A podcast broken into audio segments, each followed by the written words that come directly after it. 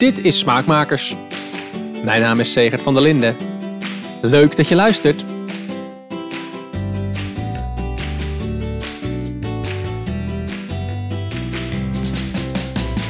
Mannenverslindster, activist, prediker, wervelwind, orgaanvlees-orakel, van kop tot kont chef. Opvallend vaak proberen mensen mijn gast van vandaag in één woord te vangen. Probleem is alleen, ze is nogal veelzijdig. Daarom kiest vrijwel iedereen een ander woord. Al die eenwoordige omschrijvingen geven wel gelijk een beeld. Een chef die niet alleen bezig is met het eten op het bord, maar ook met wat er aan dat bord vooraf ging. Welke wereld gaat er schuil achter geitenkaas? En waarom maken we dressings met Italiaanse olijfolie en waarom gooien we toch zoveel eten weg? Mijn gast vandaag is Nel Schellekens.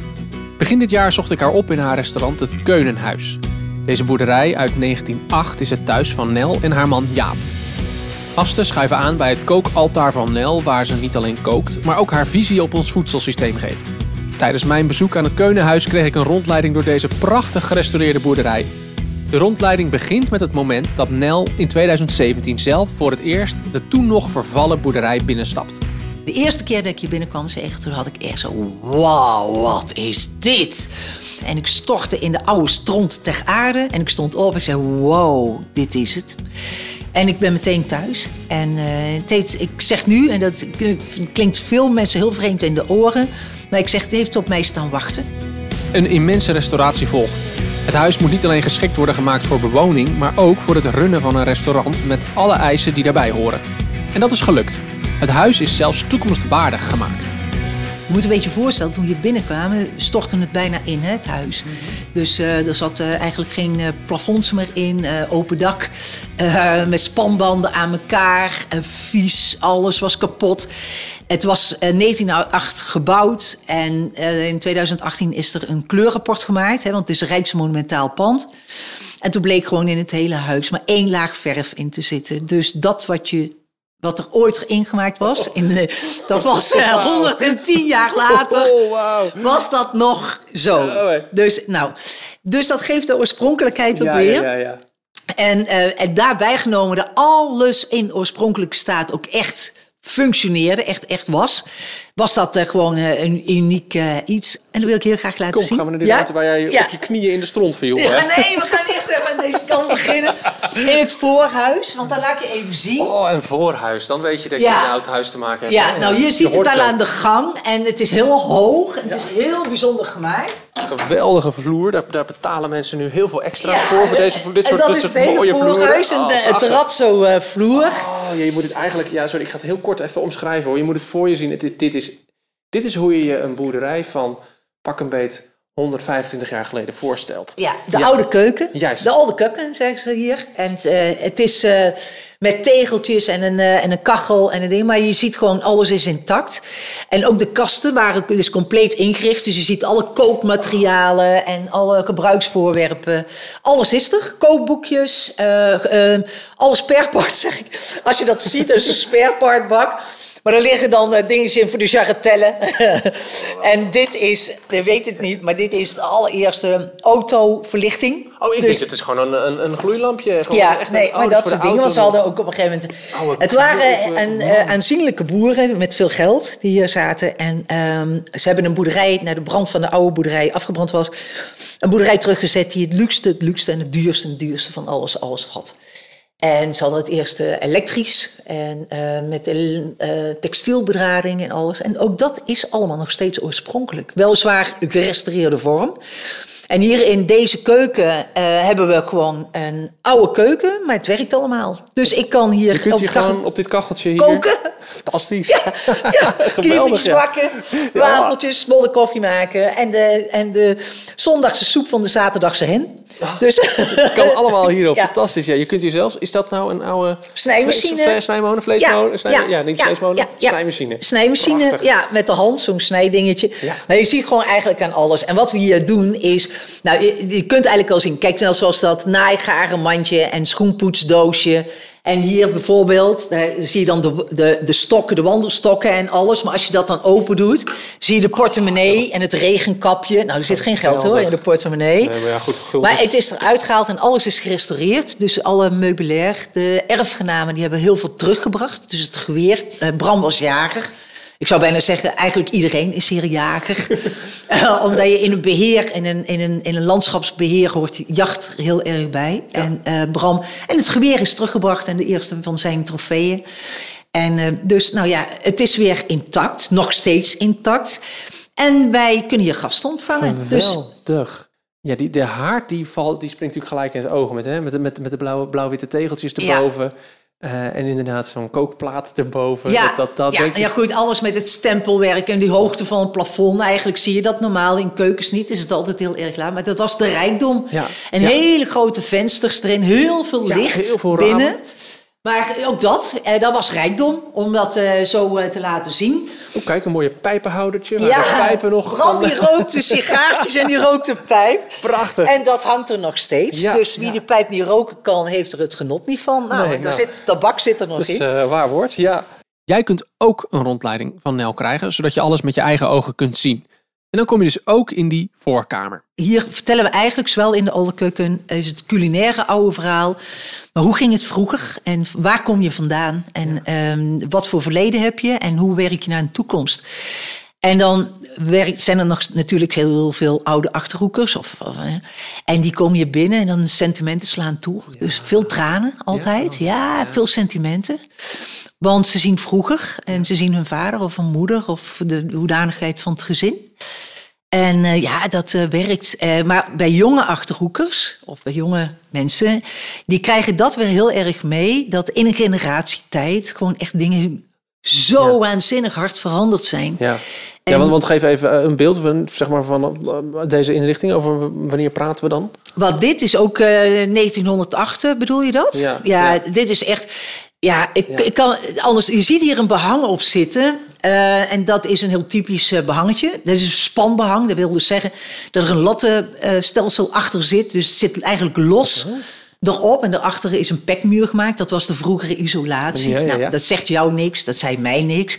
Maar toen de eh, eh, restaurateurs hier aan de gang gingen, eh, de mensen ermee bezig hadden echt zo: wow, wat is dit? Oh ja? Zo- ja, zo Oh, wauw. uniek. Heel bijzonder, maar dat is die oorspronkelijke staat. Ja. En dit behang wat er nou op zit, dat is speciaal gemaakt. Dat is na, eh, het eerste behang in 1908 gemaakt. Dus dat is omdat de Kamer het verdiende, eh, ja, eh, om het ook in oorspronkelijke stijl weer terug te zetten. Het is zo, zo mooi om, weet je, zo'n huis, je kunt het zo snel, je kunt er natuurlijk van alles van maken. Zeker. Je kunt er van alles mee doen met zo'n huis. Je kunt er, je kunt er vanaf wat dan niet, je kunt er je woonhuizen in maken. Je kunt het allemaal naar Zeker. 2022 trekken. Je Ja. kunt het helemaal eh, anders maken. Maar het is zo prachtig om even terug te stappen in die tijd. Zeker. Even 100 jaar terug. Nou, dat vonden Henk en ik dus ook toen wij hier de eerste keer kwamen kijken. En toen was het, zag het er iets anders uit dan dit hoor. Eh, veel spinnerig, alles kapot en eh dode muizen en andere beestjes. Heel erg veel. Ja. En, en we hadden ook echt zo, iedereen die had er zo, oh, wat ga je doen? En dat, dat is met name ook, straks dan zie, laat ik je de mesplaats zien... waar ik, waar ik eh, in, in stortte, omdat het beton gewoon helemaal verrot was. maar eh, toen zei ook iedereen, wat ga je toch doen? En zelfs Henk, mijn man, die zei op een gegeven moment... we gaan hier toch niet wonen, hè? Want, oh, gos, je zag het ook gebeuren. En ik zei, nou...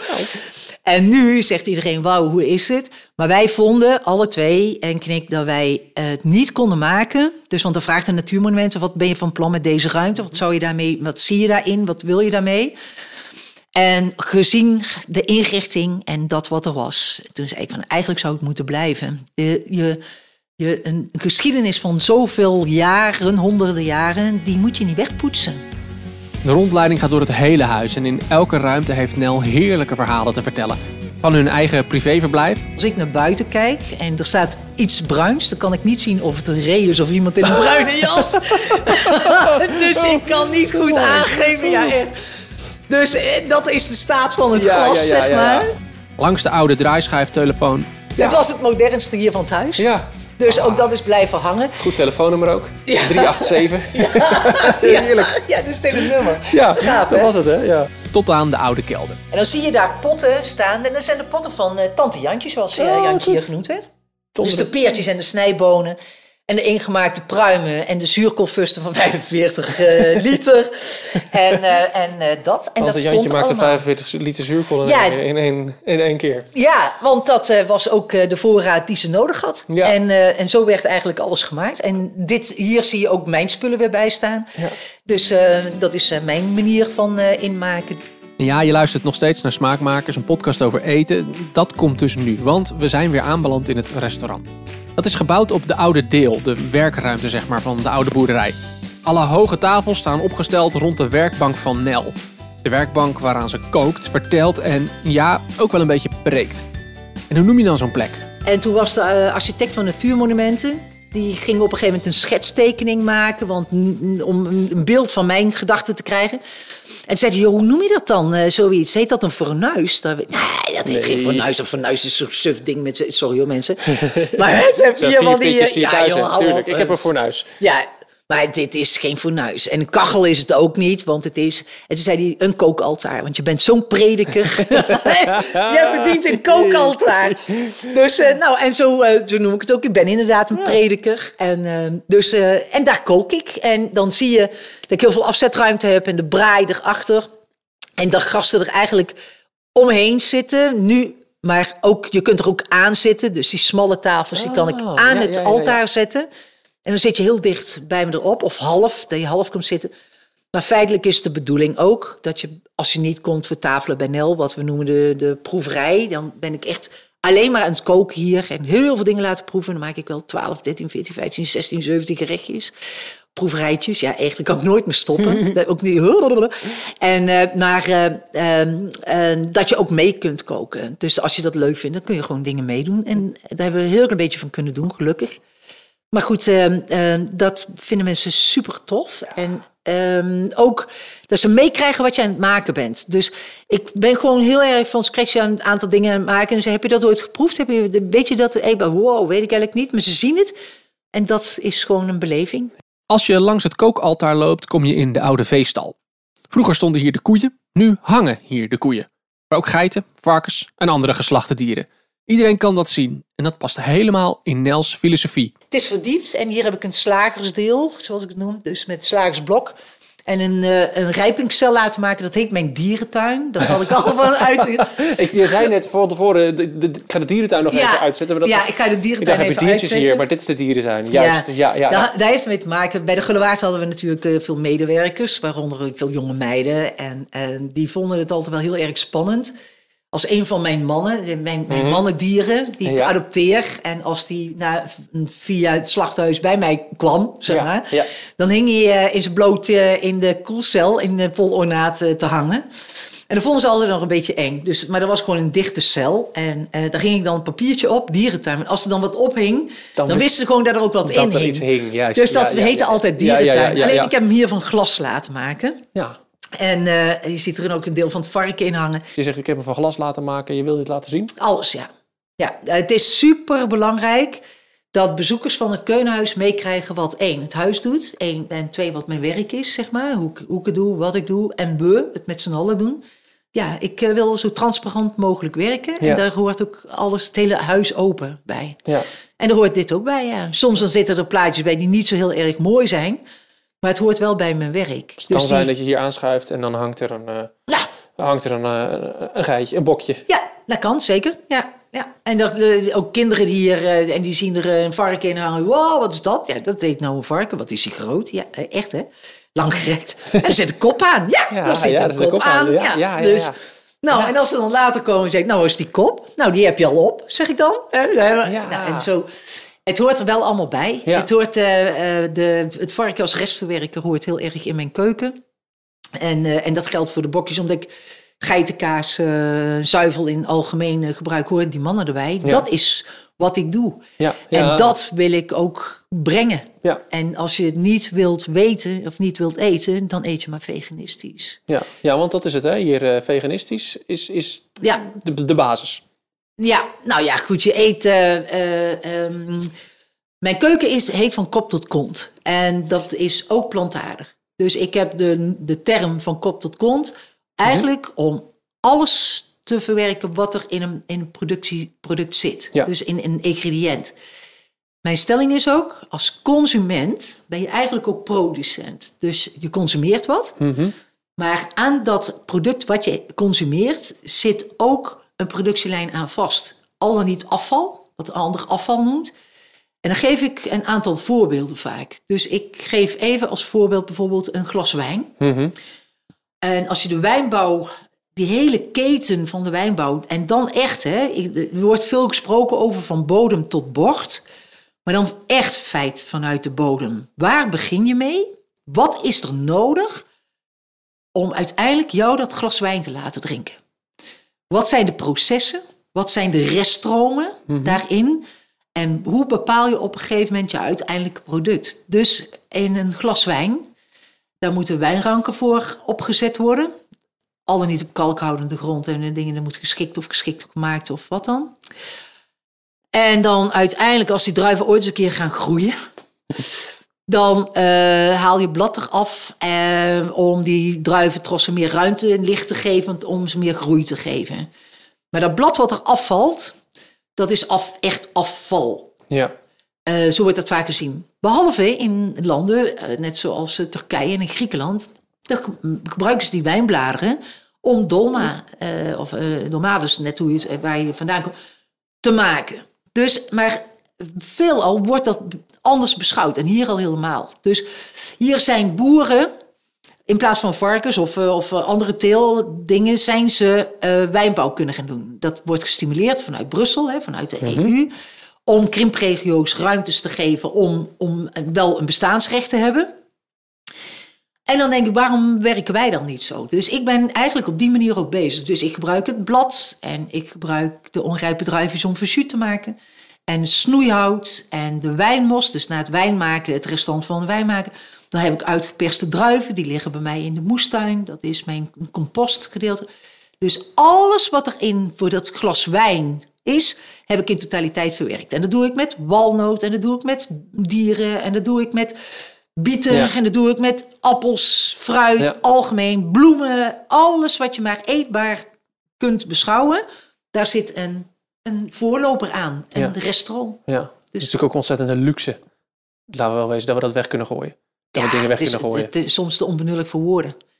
En dat heb ik het al helemaal als ik het over mannen heb. eh, Dus die dierenmannen, die Mhm. Ja. stiertjes en die boksen. ja, Ja, dan word ik gewoon één echt keer. helemaal boos. Mensen eh, weten dat misschien wel, maar heel even kort. Die mannen die... Ja, Ja. dat is... Als je, als je zuivel gebruikt of eh, als je eieren gebruikt, dan uit dat ei kruipt ook een haan. En ehm, uit die koe of die bok, eh, die, de, of de geit bedoel ik, daar komt ook een bokje uit. Omdat dat gewoon, nat- moeder natuur die heeft zo Ja. bepaald, dat er, zo zeg ik het ook altijd, moeder natuur die heeft bepaald dat alles in 50, 50 procent half vrouwelijk, half mannelijk, niet half-half, maar gewoon die percentages in kans. En zo, zo wordt er geboren. Maar een, een koe moet ehm, ehm, eh, kalveren om die melkproductie op gang te houden. Dat geldt ook voor de sik, dus de vrouwengeit. eh, en die moeten gewoon lammeren om de melkproductie op gang te houden. Nou, dus als je zuivel gebruikt, dan wordt er gewoon een bokje geboren. En een stiertje. En uit dat ei kruipt ook die haan. Alleen, die consumeren we niet, want die willen we niet. Dus die, eh, die worden eh, zo snel als mogelijk weggemaakt. De haantjes, de leghaantjes, dus de broertjes van de leghennen. Hè, de leghennen leggen onze eieren. En die eh, worden op dag één vernietigd. Ja. Dat noemen ze de eendagskuikens. En daar doen we eh, miljoenen per jaar van. En er is nou sprake van 40 miljoen al per jaar in Nederland. Dan heb je over de kuikens. De, de, ja, ja. de haantjes die ervoor geboren voor onze eierconsumptie. Dus Ja. dan heb ik zo, nou, wat veroorzaak je nou als consument? En dan hebben we het niet over het eitje bij het ontbijt, of de omeletje of dingen, maar je gebruikt zoveel eieren in kant-en-klaar maaltijd. zoveel zit dingen, zit heel ei. veel ei in verwerkt. Dus weet wat je eet en, en beoor dan wat veroorzaak ik en voel ik me daar verantwoordelijk voor. Ik voel me daar verantwoordelijk voor, dus ik ben jaren geleden mee begonnen om ook die man, die ongewenste man, de man als bijproduct, de man die niks kan, man, en ik maak er altijd heel veel Ja, grappen heel veel grappen over. over mannen, begrijp ik. Ja. Maar eh, ze horen er wel bij, dus Ja. ik adopteer die. Die horen bij mij en die, eh, die, eh, die verwerk ik in mijn keuken. ja. En als je geen ei eet of geen zuivel gebruikt, dan hoef je ook geen vlees te eten. En doe je dat wel, dan eet je ook in ratio, ratio hoe je je menu maakt, eet je daar vlees bij. Dus dat betekent dat je bij mij zeg maar 45 gram vlees in je menu krijgt, omdat je Mhm. dat veroorzaakt hebt. Omdat je een Ah. eiersausje eet en omdat je een, een, Een boter gebakken en een boter. kaasproeverij. Yes, yes, yes. eh, Ja, ja, ja, heb ik erin. Hoe lekker hè, dat kaasproeverijtje. Maar hoort er wel een heel klein beetje bok bij. En dat maak ik eh, transparant. Niet alleen in laten zien en meemaken, maar ook laten proeven. Dus en dan mag je zeggen wat je ervan Ja. vindt.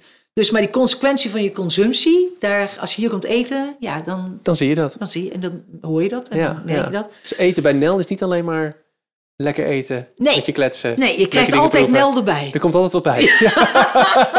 Ja. Je gaat soms ook een beetje ongemakkelijk naar huis misschien. Nee, nee, nee, nee, nee. Nou ja, het gaat er mij over. Nee, nee. Nee, dat, niet? nee. Nee, ik kan wel heel confronterend zijn, maar ik, eh, ik eh, ga geen ruzie maken. Nee, dat bedoel ik ook niet. Ook niet, eh, nee. Maar wat ik wel doe, ik heb, ehm, ik heb in mijn verhalen, zonder iemand persoonlijk aanspreken, dat kan ik wel eens ooit doen. En dat ligt er heel erg aan eh, hoe je erin staat, zeg maar. Dus wat op een gegeven moment je reactie gaat worden, dan ben ik wel zo van, oké, ik ga jou vertellen wat ik weet van dit verhaal. Ja. En dan, dan heb je je volgende reactie. Hoe vind je dat? Je hoeft niet naar mij toe te reageren of wat dan.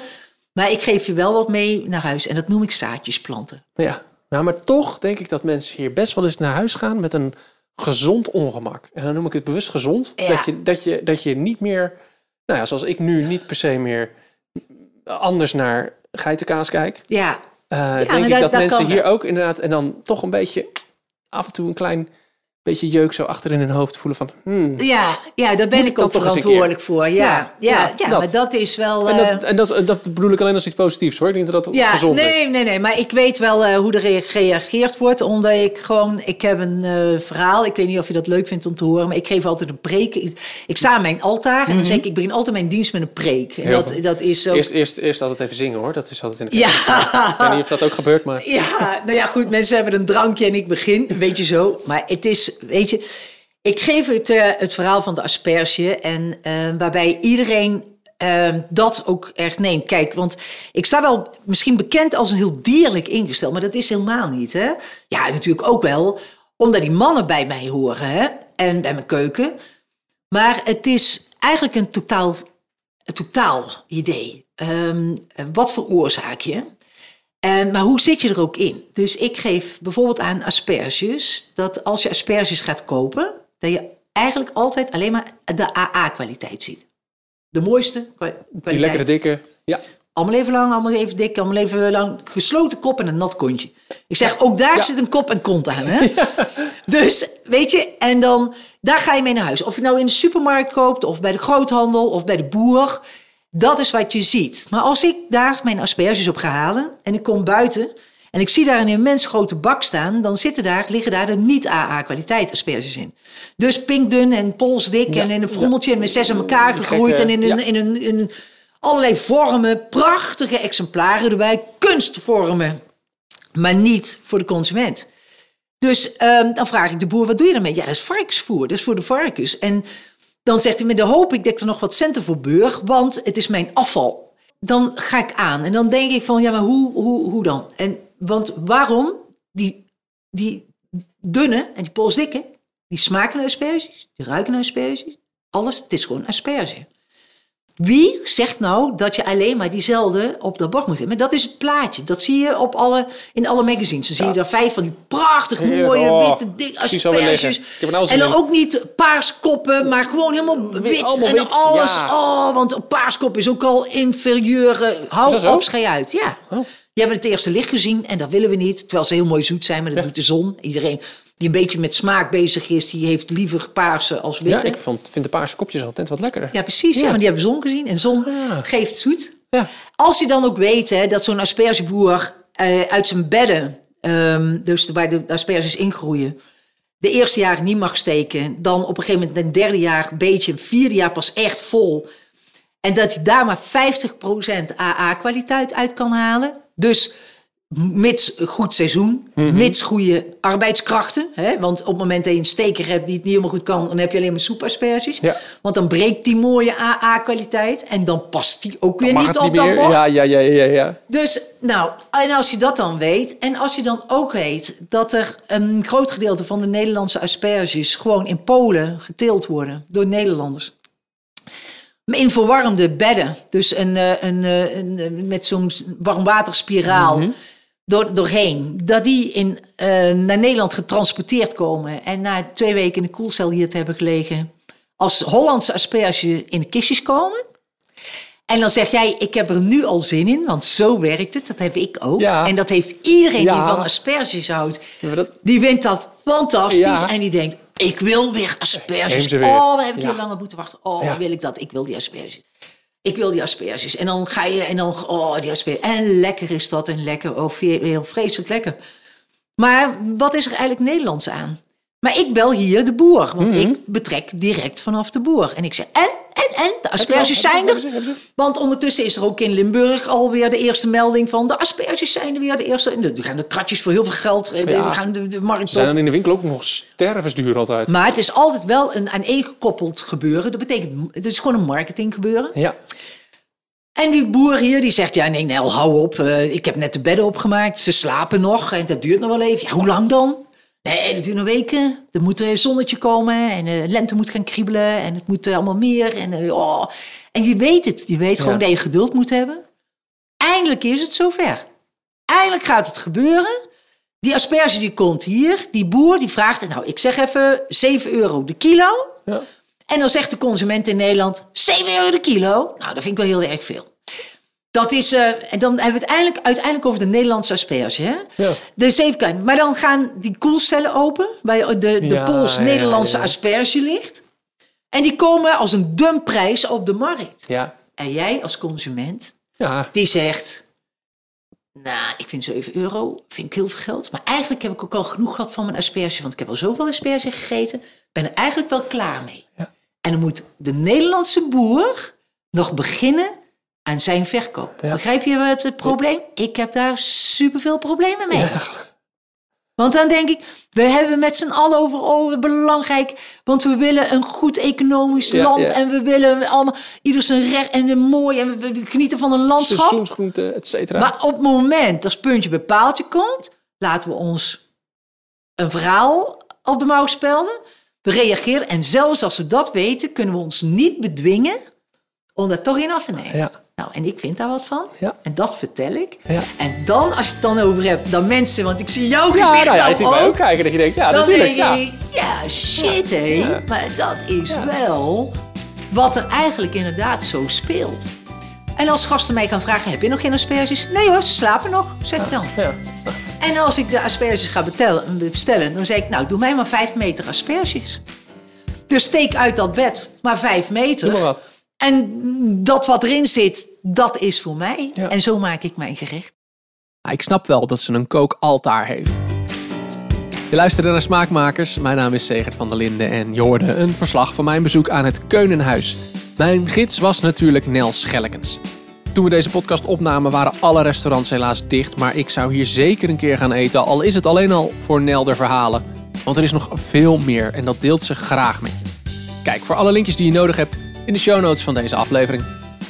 Over twee weken is Smaakmakers er natuurlijk weer en dan ga ik weer eens culinair op reis. Deze aflevering gaat namelijk over de Marokkaanse keuken. En natuurlijk kan ik jouw vraag ook stellen. Over twee weken hoor je dan hopelijk het antwoord. Voor nu, bedankt voor het luisteren en tot de volgende Smaakmakers.